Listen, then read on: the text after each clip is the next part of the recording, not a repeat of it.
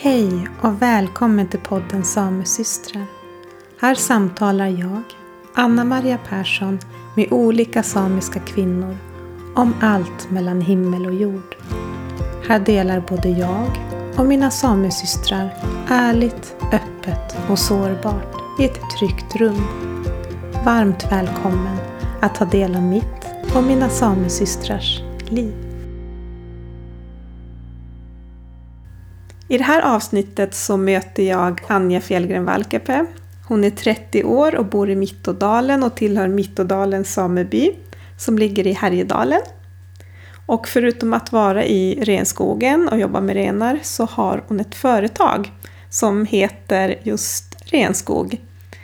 Där hon arbetar för att sprida kunskap om renskötsel och skogsbruk med syfte att skapa bättre förutsättningar för renar och renskötsel. Så jag hoppas att ni ska tycka om det här avsnittet och eh, få lära er lite mer om skogsbruk i Sverige och hur det påverkar renskötseln på ett väldigt negativt sätt. Det är ett av de ämnen som är aktuellt hela tiden så länge som vi har renskötsel. Eh, och skogsbruket är ett av de största hoten mot eh, rennäringen och dess överlevnad. Och det kan ju låta väldigt hårt och någon kanske undrar, men va? Är det verkligen sant? Eh, så ser sanningen ut och vardagen eh, för många samebyar som faktiskt eh, står på randen till överlevnad på grund av bland annat skogsbruk, får vi säga. Det är ju så att det oftast är flera saker som påverkar renskötseln. Men skogsbruket har en enorm påverkan på markbetet framförallt och hänglavskogarna. Så att det är det vi fokuserar på idag, hur skogsbruket påverkar renskötseln. Så kanske det kommer ett annat avsnitt i framtiden där vi pratar om det samlade trycket på just renskötseln. Med det sagt, här är avsnittet. Vi kör igång och jag är så peppad och så taggad. Jag har ju lyssnat på någon intervju med Lisa Röstlund och nu är jag så här och lyssnar i ljudboken så nu känner jag mig bara så peppad och taggad och jag tänker att du måste ha svar på alla frågor. Jag ska göra mitt bästa i alla fall för att besvara alla dina funderingar om det kära skogsbruket. Välkommen till podden Samesystrar, Anja Fjällgren Valkeapää. Tack. Äntligen får vi till det här. Vi har, vi, vi har tjorvat med ljudet. Jag har krånglat. Men nu är det som det ska. Oh ja. på. Mm. Mm. Så som vanligt så tänker jag att du får börja med att eh, beskriva dig själv med några meningar. ja. Anja Fjällgren Valkeapää heter jag. Jag blir lite ställd här. Hur ska man beskriva sig själv? Jag tänker inte beskriva mig via mitt jobb. Um, jag lär ju landa där till slut ändå. Jag är en positiv, optimistisk person.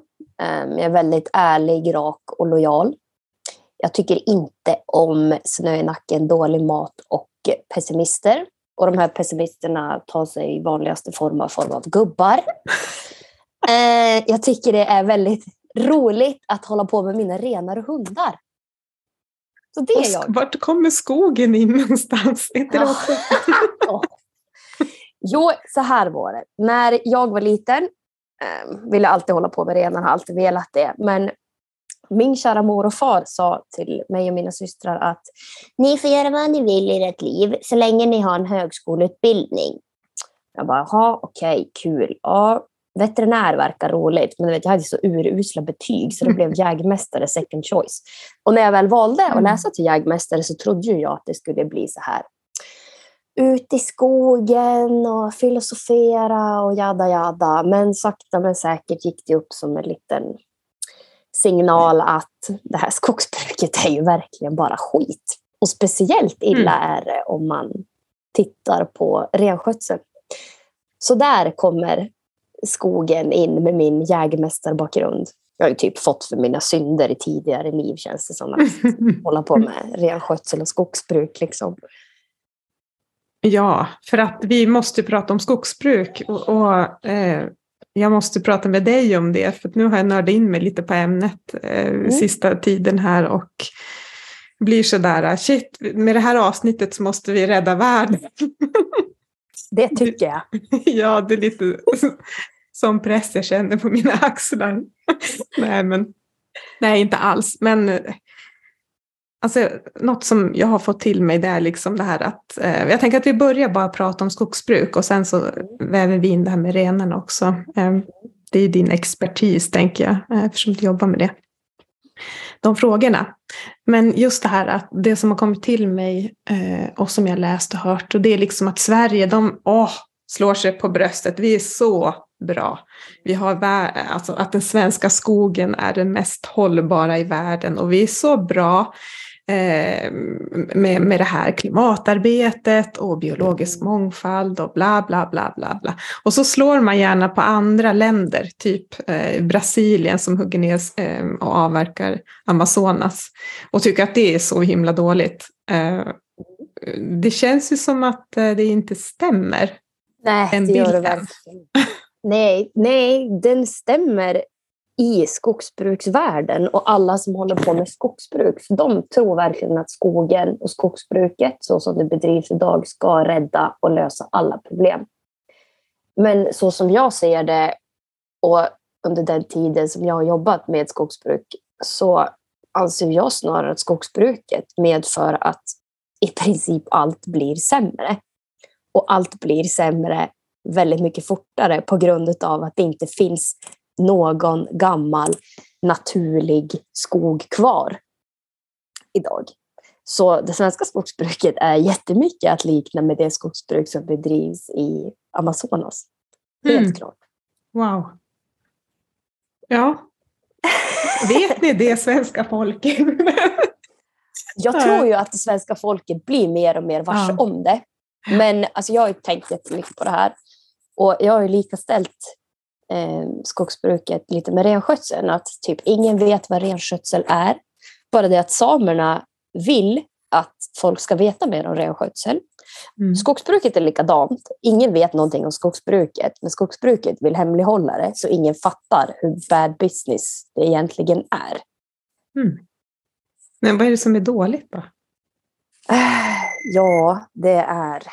Vart ska man börja? Eh, det, ja, det är som ett lager på en lök och ju mer insyltat det blir det här desto svårare har jag att veta vart jag ska börja. Men man kan säga att det system som man använder idag när man bedriver skogsbruk är trakthyggesbruket. Och det innebär att man hugger ner alla träd i princip eh, över en större yta. Då får man ett kalhygge. Mm. Och det här kalhygget, när du plockar bort egentligen så finns det som inget område i Sverige som um, inte har träd naturligt. Liksom det finns, förr fanns det åkermark som hade lövträd och sen så när man kommer in i den boreala zonen som barrskogsfältet kallas då, så växer det barrträd. Liksom, träd är en naturlig art. Mm. Um, men när man kalavverkar alla de här träden så förstörs ju um, mikroklimatet, alltså, alltså klimatet på stället för väldigt många arter. Om man tittar på marklaven då, till exempel eh, så är ju den, alltså den marklaven, renarna äter ju marklaver vintertid. Mm. Och det är ju en art som har missgynnats katastrofalt mycket av trakthyggesbruket. Eh, och den får väldigt stor solinstrålning när man kalavverkar skogen. Eh, och sen då så, så går ju skogsbruket in och markbereder för att plantan, man måste ju återbeskoga, ska få en mm. bra planteringspunkt och sen så planterar man vilket trädslag man egentligen vill, kvitta vad som har stått där innan. Och det här gör att man får stora ytor av monokulturer, alltså Just. homogena, likartade skogar. Ehm, ett ord som används mer och mer är plantage. Mm. Ehm, och efter att man har planterat så kan man egentligen låta skogen växa, eller jag bara låta skogen stå. Och det innebär att väldigt många skogar blir för täta. Och det är dåligt till exempel för marklaven men också för många andra arter. Så skogsbruket, egentligen det här med de här stora kalavverkade ytorna är det största problemet. På grund av att när du går in så går skogen från att vara, säg över 120 år till att bli noll. Och alla de mm. arter som är knuten till, det gamla, till de mm. gamla träden och det ekosystemet försvinner ju. Ja, exakt. Och, ja, och det här blir ju jag tänker för att det här med klimatfrågan, allting är ju så hyperaktuellt och vi måste rädda klimatet och, och, och då så menar många då, jag upplever också att det är som två läger, mm. att det här, det här delar folk i två. Att det finns de som du sa som tror att det är helt rätt och sen finns det ju de som menar att vi måste stoppa en lokala verkning nu. Mm. Eh, men just det här, och vad skulle jag tappa bort mig här? Hmm. Jo, men just det här, varför liksom... Varför... Nu hoppar jag lite här, men eh, det, men det här med... Det går jättebra. Ja, ja det blir så hoppigt här. jag har ju en massa frågor här och det är mycket text. Och, men, um, men vad händer då när skogen blir noll år? Alltså just det här med klimatet. Varför är det inte bra för klimatförändringarna? Alltså egentligen så är jag väldigt dåligt insatt just på grund av att det här med skogen kopplat till klimatomställningen är ganska dåligt insatt i just på grund av att det finns olika läger. Jag har inte gått ner mig än i vart jag står. Men jo, jag vet precis vart jag står. Spara skogen. Och då menar man ju då att skogen lagrar in koldioxid eh, när träden växer. Då, då, då avverkar du träden och så får du stammar. Ifrån de här stammarna blir det ju då virke som man bygger in i hus. Det menar ju då att det är någon form av kolinlagring. Ja. Eh, men det är ju typ bara det att det finns ju eh, grenar, toppar, stubben blir ju kvar. Det förmultnar, det släpper ut koldioxid. Sen har du ju också då att hela trädet blir ju inte virke utan det blir ju också massaved. Eh, och massaved är ju då till exempel sånt som kommer från gallringar Timmer kommer ju från slutavverkning. Massa ved blir ju papper. Eh, kortlivade produkter. Pappersmuggar, ja, papper, precis. kartong. Eh, Kläder, ser... smink. Exakt. Alltså har jag mm. hört också. Att det är det precis. nya. Mm. ja, du vet, skogen ska ju lösa alla problem. Såklart ja. att skogen blir smink också. ja, men du vet, det är kortlivade produkter som när de har förbrukats blir koldioxid igen. Mm. Och under den här föryngringsfasen då när skogen är noll år, då menar man att skogen binder jättemycket koldioxid när den växer. Och jag tänker stanna där på grund av att jag inte är insatt nog. Jag orkar, det är som, vet, hjärnan ibland när den lyssnar på vissa saker så stänger den bara av. Och jag har liksom nått en nivå att jag orkar inte lyssna på det här något mer. um, mm. På grund av att det är verkligen antingen så fixar skogen klimatomställningen eller så gör den inte det. Och jag tror att skogen mår bäst utifrån den aspekten att om vi låter skogen stå så lagrar den ju fortfarande in koldioxid och det är bättre att den lagrar in den koldioxiden än att vi avverkar skogen och förbrukar den. Inte minst med tanke på att den biologiska mångfalden är på mm. väg åt pipan. Mm. Och samma med renarnas renbetesmarker. Alltså det är få samebyar idag som bedriver en naturbetesbaserad renskötsel just utifrån den aspekten att skogsbruket har gått fruktansvärt hårt fram. Så utifrån väldigt många aspekter, om man väger in alla de här aspekterna, inte bara titta på klimatomställningen, så tror jag att det är bättre om skogen står. Och sen om 80 år, eller vart vi är, då kanske vi kan bruka skogen på det här traditionella trakthyggesbrukssättet som är så himla bra för klimatet. Ja, jag vet inte.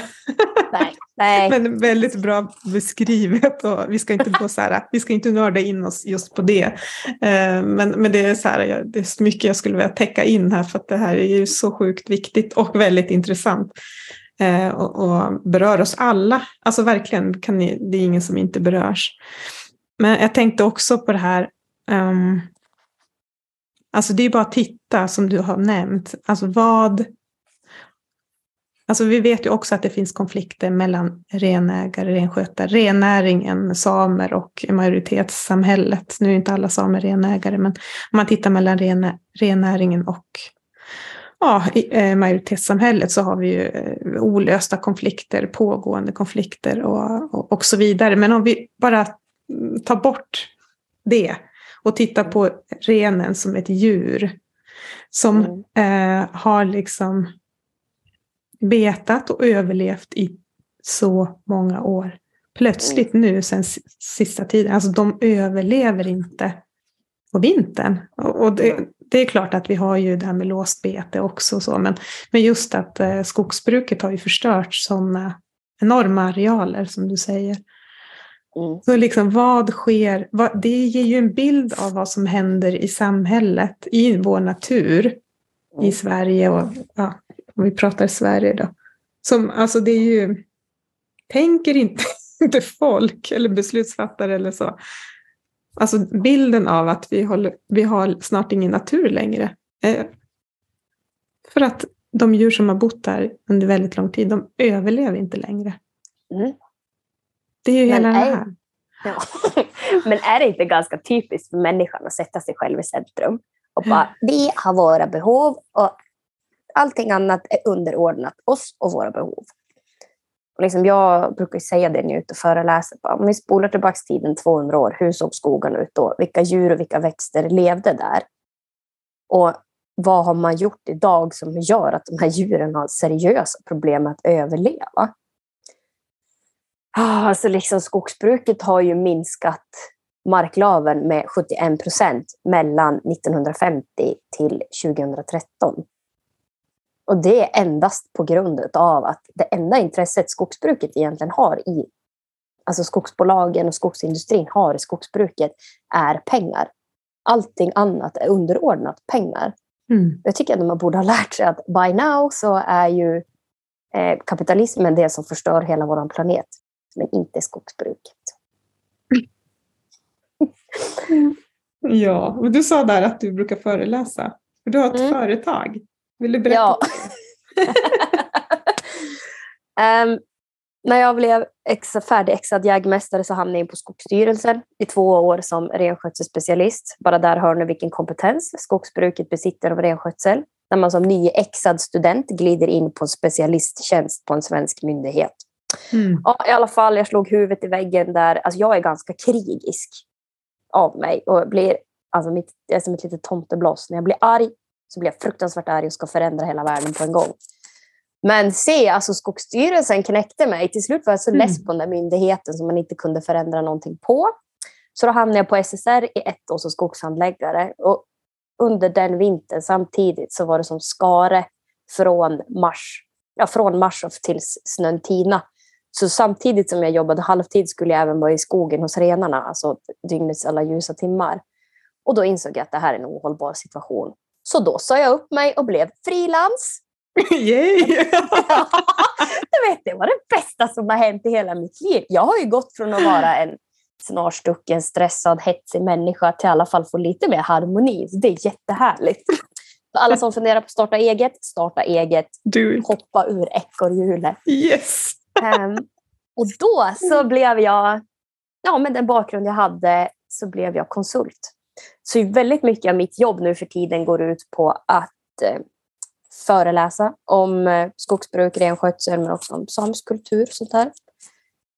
Ehm, jag hade ju en, en mål och ambition om att jag skulle utbilda skogsbruket. Ja, alltså för att, för att man ska kunna ta till sig kunskap så måste man förstå att man saknar den kunskapen. Och det gör inte skogsbruket. De inser inte vilket kunskapsglapp det är mellan vad de ska göra vad de gör och vilken kunskap de behöver och har. Så jag har ju övergått till att fokusera på att stödja upp samebyarna i deras, um, i deras samplanering med FSC-certifierade skogsbolag helt enkelt. Och det är skitkul. För det, det, det, jag tror att det är hos samebyarna vi kan skapa en förändring. För det är mm. endast de som har någon form av inflytande över det skogsbruk vi ser idag. Okej. Okay. Men vad, vad sa du där? FS? Um, FSC. Vad är allt det där för någonting? för, det finns ju olika miljömärkningar, till exempel Svanenmärkt kanske man känner igen. I skogen så finns det två olika certifieringar som garanterar att skogen och skogsbruket har bedrivits på ett hållbarare sätt. Det är då mm. PEFC-certifieringen och det är ofta privata mindre markägare. Men då har ju de här stora skogsbolagen en certifiering, då är de certifierad enligt, P, enligt FSC, Forest Steward Councilship eller något sånt där. Och det är liksom en internationell certifiering så um, alla som bedriver ett skogsbruk runt om i världen är som certifierade utifrån samma certifiering. Men det finns eh, nationella skillnader. Och i den här FSC-certifieringen så finns det en princip som kallas för urfolk. Mhm. Och den ger urfolket rätt att eh, men helt enkelt ha ett inflytande över det skogsbruk som bedrivs på dess marker. Så att inte urfolket dör, kan man kort sammanfattat säga det. Då. Så de FSC-certifierade skogsbolagen i Sverige, till exempel Sveaskog, Stora Enso, Holmens Skog och SCA, har en hel del krav på sig för att ja, de, deras, de de säljer skog eller produkter till ute i Europa vill ha ett certifierat skogsbruk som lever upp till en hel del krav.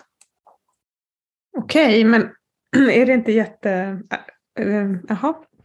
Ja, men efterlevs det här? Det är det jag undrar. Nej, nej, nej. Alltså, du vet, jag brukar Nej. tänka på det att vissa personer, du har säkert mött någon, är fyrkantig.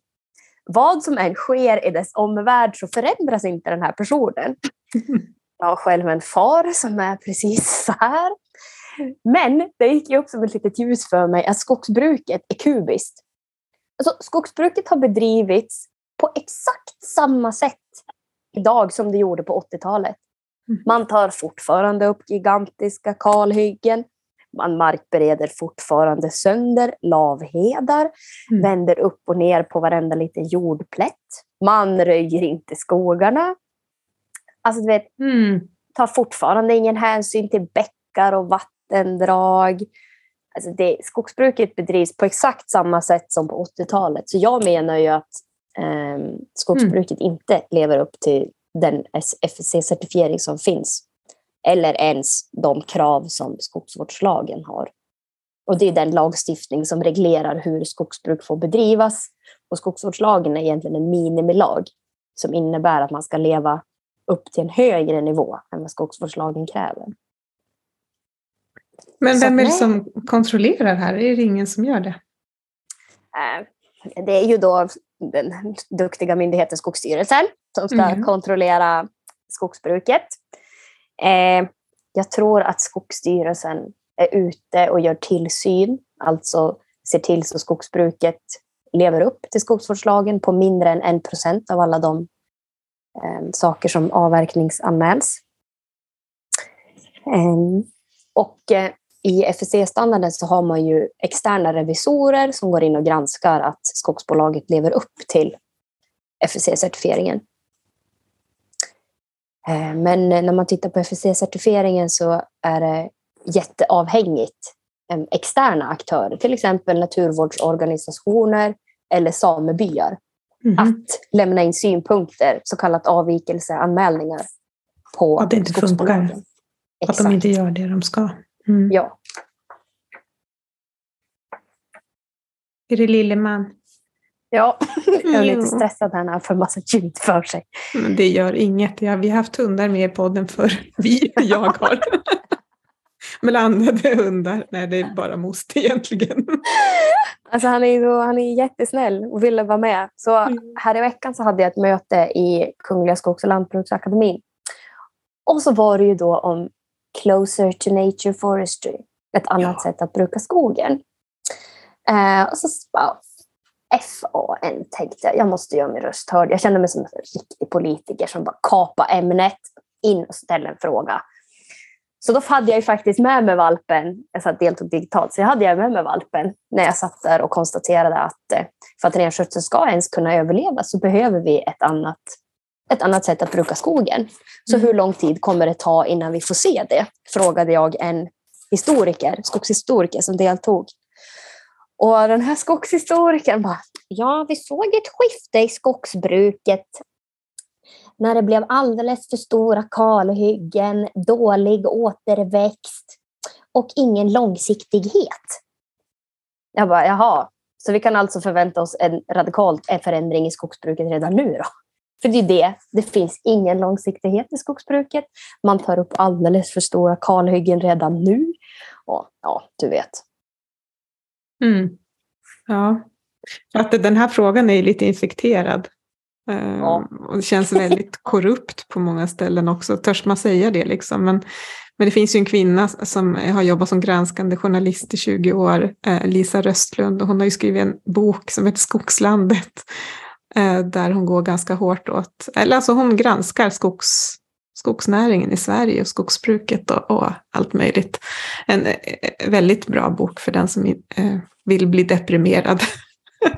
Ja, men, alltså den är fantastisk. Den ger en så nyanserad bild till hur hårt styrt skogsbruket verkligen är. Och det är som att skogsbruket är ryggraden i Sverige. Ja. Men liksom på, alltså sen 80-talet så har ju BNP sjunkit markant för liksom hur mycket skogsbruket okay. förser Sveriges ekonomi. Mm. Så liksom det är inte vad det har varit. Glansdagarna för skogsbruket och trakthyggesbruket är ju förbi och jag tycker att eh, den här debatten är ju väldigt inriktad och skev på grund av att man pratar antingen om bruka eller bevara. Och då är det ofta skogsbruket som står på sin sida och skriker om äganderätten och vi ska ha rätt att bruka vår skog precis som vi vill. Eller så är det miljösidan som står och säger att Nej, men vi måste bevara skog, de sista skogarna nu. Jag blir så irriterad för ingenstans eh, där kommer renskötseln in. Utan än idag, 2023, så måste renskötseln glida räkmacka på antingen någonting av dem för att kunna mm. göra sin egen röst hörd. För mm. så som jag ser det så behöver man varken alltså, bruka allting som traditionellt trakthyggesbrukssätt eller bevara allting. För så, så, så skogarna är idag, vi har ju jätte i princip bara trakthyggesbruk. Och de skogarna måste skötas så de inte blir för täta.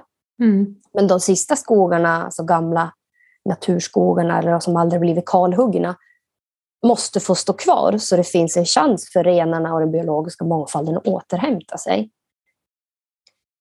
Så jag tycker att Lisa Röström ger en väldigt nyanserad bild av hur det är med skogsbruket idag och, vad som kanske, och att det kanske måste till en förändring det är som du säger, alltså vi vet inget, alltså jag tror gemene man vet ju ingenting om skogen. Och Sverige har svinna skogar och bla bla bla. Och så tittar man och det, jag, jag, undrar liksom, är det en skog vi tittar på?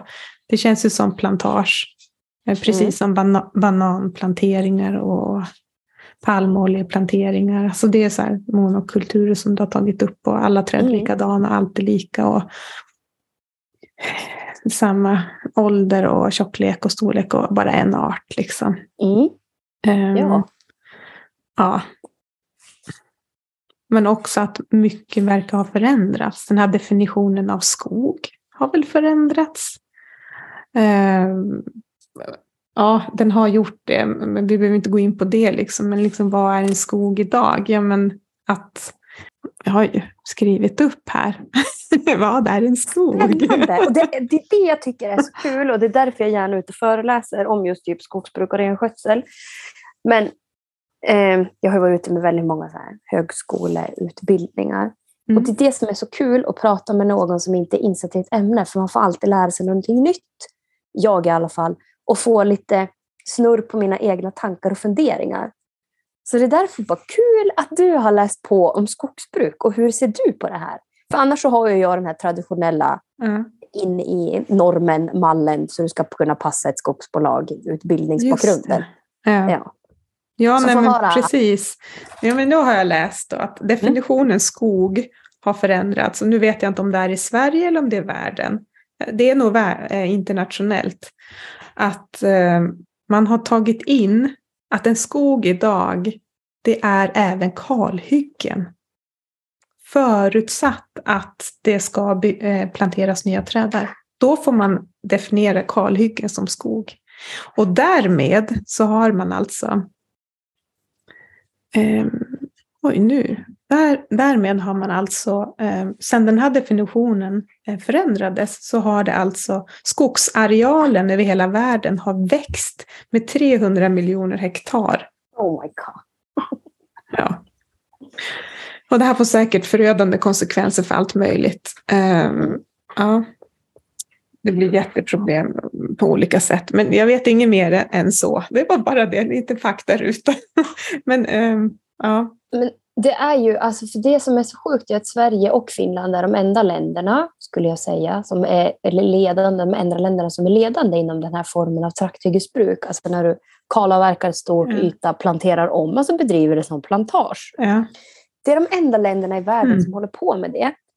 Men i och med att Sverige är en kolonialstat så bedrivs och anser de ju att allting de gör är bäst. Så de åker ut och missionär, och missionerar om trakthyggesbruket till andra länder.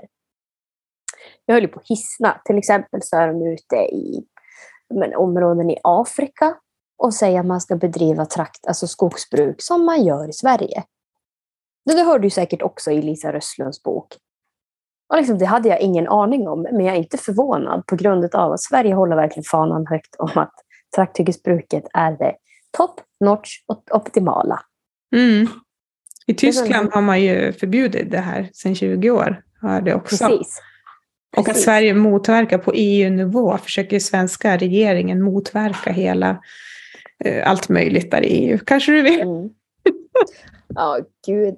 Mm. För de vill ju verkligen ha trakthyggesbruket som standardmallen och att man ska få fortsätta med trakthyggesbruk.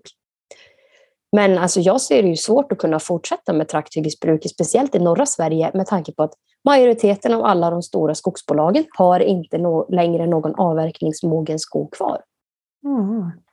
Liksom Sveaskog har ju gått ut och sagt att de måste minska sina arealer med alltså avverkningsarealer på grund av att samebyarna har sagt nej. Sveaskog ska vara jävligt tacksam över att de har samebyarna så kallat att skylla på. För de har ju själv satt sig i en sits där de har bedrivit mm. alltså för stor avverkning. Rovskogsbruk ja, låter det som. Verkligen. Och så har mm. skogsbolaget här nere, eh, Stora Enso, de har inte heller någon skog kvar att avverka. Mm. För de har, de har klippt allting för tio år sedan. Mm någonting som många skogsbolag gör, och det här tycker jag att alla ska bli varse om, att man får bara avverka skogen när skogen har nått en viss ålder och den når den här åldern antingen tidigare snabbt beroende på bonitet, alltså hur bra den växer. Men vad många skogsbolag gör är att klassa upp skogen. Alltså att man bedömer, hittar på, skogsbolaget är jättebra att hitta på saker för sig själva som blir jättelogiskt för dem. Men då har de sagt till exempel att ja, men nu har det blivit lite varmare tack vare klimatförändringen. Så nu får vi faktiskt säga att den här skogen som vi planterade för 80 år sedan egentligen är 90 år. Jaha. Så att de ska kunna få gå in och avverka tidigare. Ett annat bevis på att det här faktiskt stämmer är ju det att Skogsstyrelsen driver ju en hård linje om att man ska sänka ålder för lägsta slutavverkning. Och det har ju att göra med det faktum att skogsbolagen har inga skog kvar att avverka om de måste följa skogsvårdslagen. Så då ändrar vi lite i skogsvårdslagen så skogsbolagen får fortsätta att bedriva den här trakthyggesbruket som är helt orimligt. Mm det är så spännande. så det alltså, att grotta in sig i det här skogsbruket, det är som my worst nightmare. ja, men alltså det har jag också hört nu. Um, att av henne då, Lisa tror jag att det var, hon är min enda källa.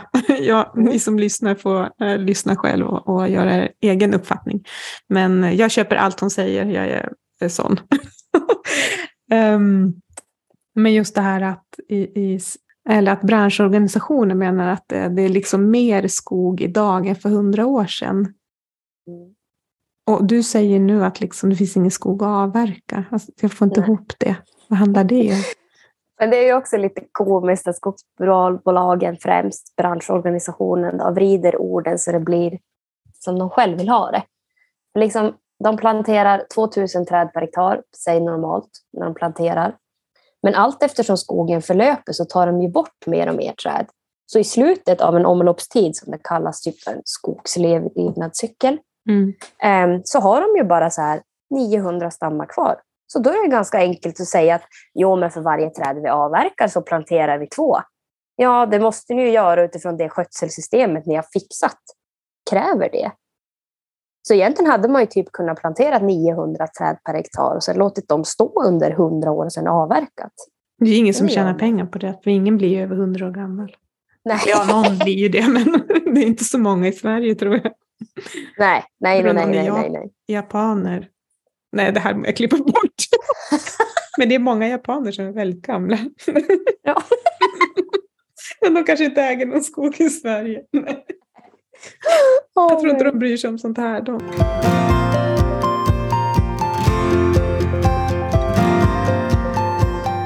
Vi måste prata mer om det här, den här konflikten mellan rennäringen och eh, skogsbruk. Um, det är en av många konflikter. Men jag tänker också att den, den måste liksom bygga på så mycket okunskap. Men just det här att, att man säger att eh, rennäringen bedrivs på, som i Sverige idag, 50 procent av landets yta. Det blir så fel, det argumentet, för jag tror att många då eh, som inte vet, de tänker att rennäringen har liksom halva Sverige då. Mm. Eh, och varför klagar de? De, får ju, de håller på, bedriver renskötsel på halv, halva landets yta. Eh, vilket inte är sant och det blir, måste bli jätteproblematiskt. För att hur många procent egentligen av den här landytan är det faktiskt bra renbete på? Vet du mm. det? Nej, tyvärr inte. Nej. Men alltså det kan inte vara många procent alltså. För i Norge är det 4 procent.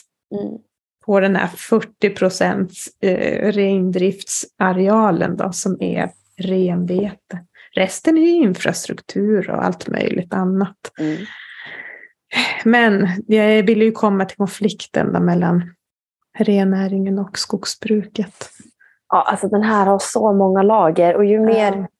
Alltså det gick som ett litet ljus upp för mig att eh, mycket handlar i utbildningen. Det finns ju som två um, utbildningar. Det är jägmästarutbildningen, femårig utbildning och skogsmästarutbildningen, treårig utbildning. Um, båda bedrivs av SLU, Sveriges lantbruksuniversitet och speciellt jägmästarutbildningen har en väldigt lång historia. Och då drar givetvis skogsbruket igång med anrik och flärd, död, död, död, lång tradition.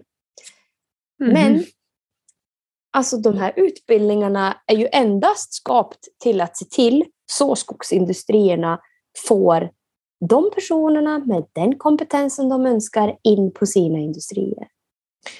Ja. Eh, när jag läste i fyran, när jag gick i fyran, så eh, fanns det något som kallades för rågstråket, råvaruförsörjning. Det innebar att mina kursare som valde att läsa rågstråket läste ett helt år av bil, båt och tåg och logistik. Hur du ska få skogen från skog till industri. När de var färdiga med det här rågstråket, då hade de diplom och prisutdelning och alla högre chefer på skogsbolagen i närheten närvarade. Fattar, de, fattar någon hur sjukt det är att en utbildning har ett helt år där man bara läser mm. råvaruförsörjning och dessutom få ett diplom och en klapp på axeln från de högre cheferna. Mm. Och Det är ju här problemet kommer in på grund av att en utbildning är som norm och värderings... Alltså det sätter som normen och värderingarna mm. för hela ditt framtida arbetsliv. Och Jägarmästarprogrammet och skogsprogrammet har ju ungefär så här sammanlagt tre och en halv dag av fem år som kopplar till renskötsel. Oj. Oj. Ja, De var bara, wow. ja.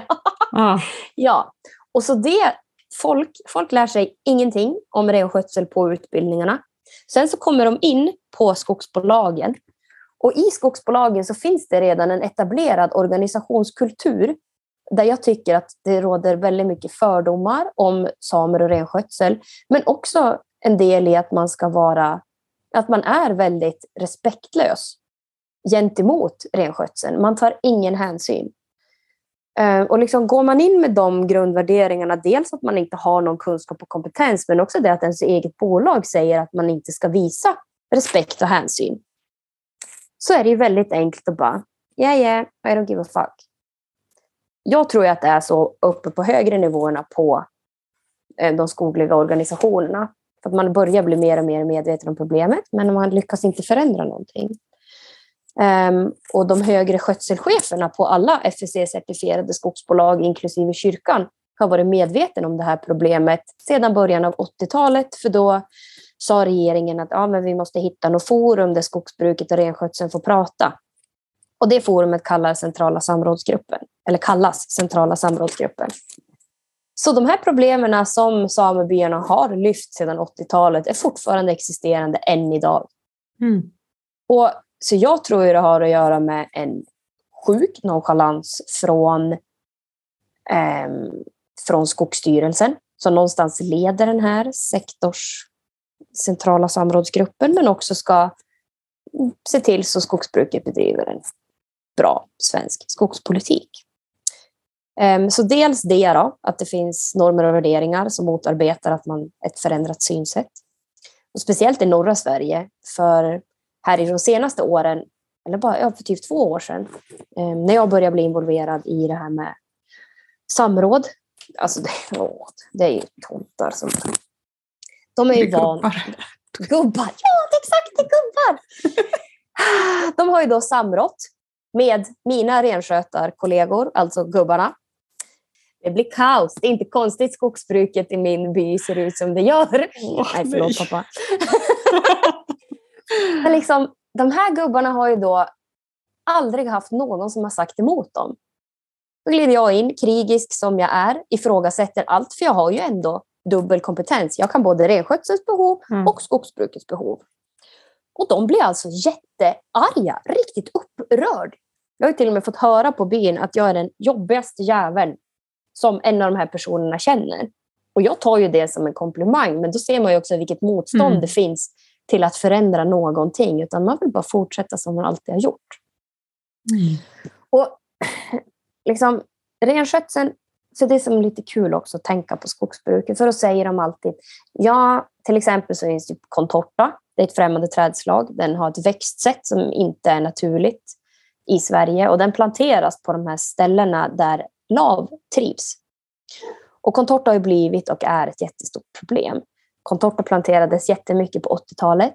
Mm. Um, och så kommer vi in på det här med contortaplantering när jag samplanerar. Och då säger de att ja, men vi planterar ju inte contorta idag.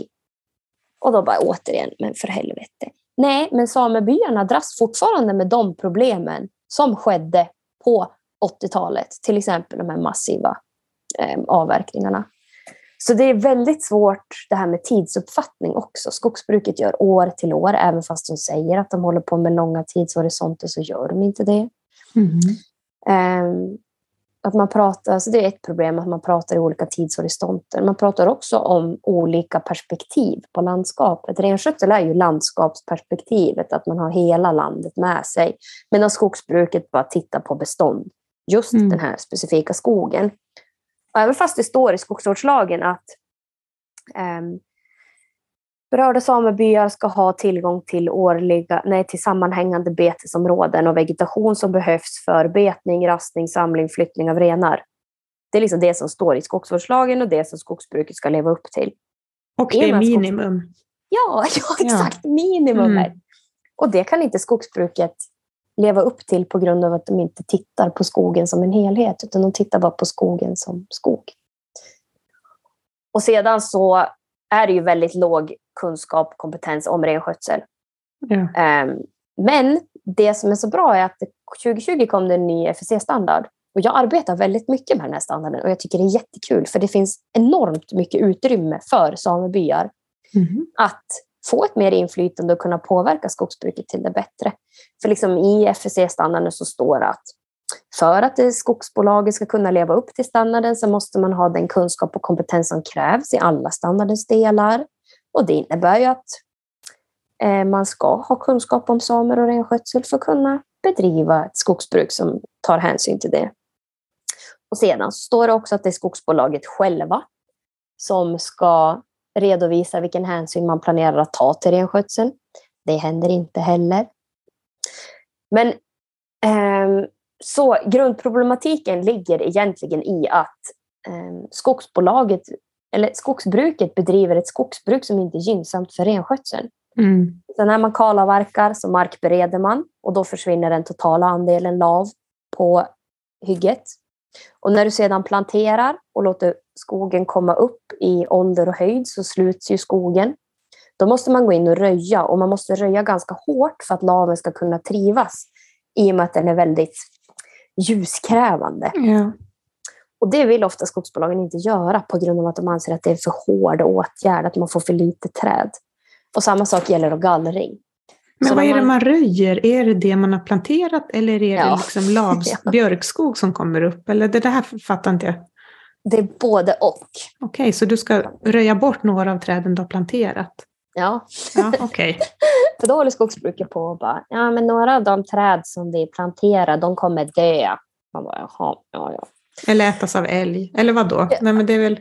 Ja, nej. Okej, Så vi det- skiter i Nej, älgen. Men... Nej, det är inte älgen, men det är liksom bara ett så konstigt skogsbruksgrej. Man har lite inväxling av andra arter eller icke planterade träd, då ska de röjas bort för man ska hålla ett lägre stamantal. Och samma sak med gallringen.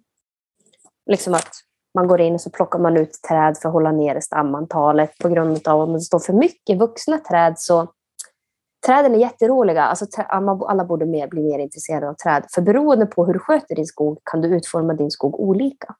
Mhm.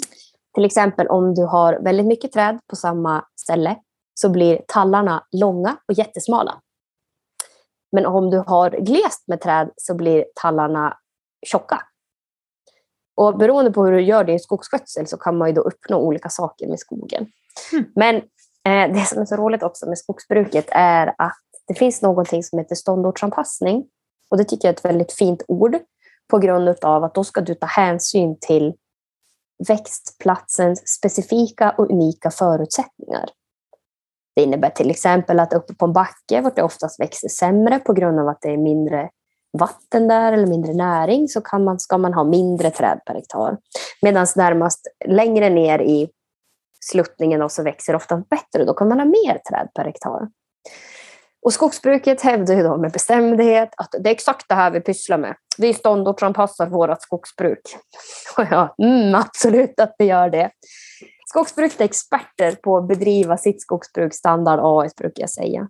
Alltså att de håller på med samma sak över hela Sverige. Mm. Ehm, och det är också jättedåligt med tanke på renskötseln, att man vill ha de här ehm, specifika, unika förutsättningarna. ehm, på grund av att om det står mer träd per hektar så får marken en viss struktur och snöpackningen får också en viss struktur. Medan du har glesare så får man annorlunda och sådär. Så beroende på skogsskötsel och mål med skogen så kan man utforma skogsbruket väldigt annorlunda. Men idag är det verkligen standard A1. Ehm, jag tycker inte egentligen inte det finns någon känsla i skogsbruket heller för att bedriva skogsbruk. Jag brukar säga att skogsbruket inte är bra på att bedriva skogsbruk för produktion. Just utifrån att man inte tar hänsyn till alltså markens naturliga produktionsförmåga. Ja, shit. Ja, det är mycket med skogen här. Åh gud, som man inte vet. Nej. Jag tänkte på det där du sa att ehm, det var någon som tyckte du var den jävligaste människan den visste. Mm. Alltså hur har det varit? Man tänker, hur är det? Alltså hur är det att vara dig på, de här, på andra möten? För du åker ju på, på andra spännande grejer. Du har varit i, på tågresa och, och träffat höjdare inom EU. Kan du inte berätta om det? Men just där, hur mottas du och din expertis när du kommer och eh, ifrågasätter? Mm. Alltså det beror väldigt mycket på vilket forum jag är i. Eh, För jag är jätteduktig på att ifrågasätta allting. Jag, åh, jag hatar egentligen att säga det här, men jag tycker om att skapa dålig stämning. För liksom det är så, ja, för, men också det att om det blir dålig stämning så har jag uppenbart lyft på ett lock som behöver lyftas på. Mm. För då är det Mm. någon som blir sur eller tar illa vid sig så där, eller inte van att höra det man säger. Så det är ju bra tycker jag också. Då. Mm. Men alltså det beror väldigt mycket på i vilka sammanhang det är. Eh, och när det gäller skogsbruk som ändå är en väldigt polariserad yta så är jag ju ganska slut efter en dag för jag måste alltid stå på mig och jag måste alltid ta i med de tyngsta verktygen jag har hela tiden. Alltså det är liksom inte det att det räcker med att säga nej utan jag måste säga nej, ryta det och stampa med foten i backen. Mm. Eh, på grund av att det finns en sån nonchalanitet gentemot renskötseln och att ingen vet vad de egentligen ska göra och blir de ifrågasagda så blir de sur. Men i alla fall, jag var ju till Bryssel här för några veckor sedan och pratade om renskötsel och skogsbruk. Tio minuter fick jag på mig så det var huh, stressigt. Mm. Eh, jag tycker att det mottogs väldigt bra. Men, och det kanske just utifrån den aspekten att i det forumet jag pratade så var det fler som var intresserade av ett annat sätt att bruka skogen än det traditionella trakthyggesbruket. Och jag hoppas och tror att de vibbarna är ett tecken på att vi kommer kanske få se ett annat skogsbruk i framtiden. Man behöver inte bruka allt eller bevara allt, utan det finns mellanvägar att gå. Jag tycker att det är det som kommer vara det rätta i framtiden med tanke på att skogsbruket har förstört för renskötseln och den biologiska mångfalden och många andra värden. Mm. Så om man fortfarande ska kunna ha ett skogsbruk så måste det ske på ett annat sätt, för det kan inte fortsätta som det har gjort idag. Nej, vad var det för, för sammanhang? EU håller på med en hel hög med lagstiftningar. Um, eller konventioner eller deklarationer. Jag är uppenbarligen inte insatt i det här. Men nu ska jag göra som alla män gör. Jag ska killgissa mig fram till ett svar. och liksom, det finns ju många olika sätt att bedriva skogsbruk på. Um, och många är medvetna om att trakthyggesbruket är ju ett negativt sätt, förutom att Sverige inte vill få ut det så. Um, och man har ju sett att den biologiska mångfalden har ju rasat markant. Så EU vill ju då införa olika saker och ting som förhindrar det här. Eh, och då var jag och pratade, var inbjuden av Naturskyddsföreningen och FERN som är en NGO, Non-Governmental Organization i Bryssel, som arbetar för ja, men om man ska ha, få bättre skogar i framtiden. Mm. Varav trakthyggesbruk inte är ett bättre sätt att bedriva, få bättre skogar i framtiden. Och så det mottogs väldigt väl. Och sen hade vi några lite mindre runda bordsamtal där jag fick redogöra för samebyarnas situation. Um, och där var det väldigt många höjdare som deltog och de hade väldigt intressanta och insatta alltså reflektioner på det som sades. Och det var väldigt kul för då förstod man att de är dels insatta i ämnet men också väldigt nyfiken och förstår problematiken som finns i mm. Sverige. Så det var väldigt skönt faktiskt att få träffa de här människorna och upptäcka att jo, men de har ändå koll och vill, vill skapa en förändring. Men så bra, vad spännande. Mm. Mm. Det är ju intressant att höra.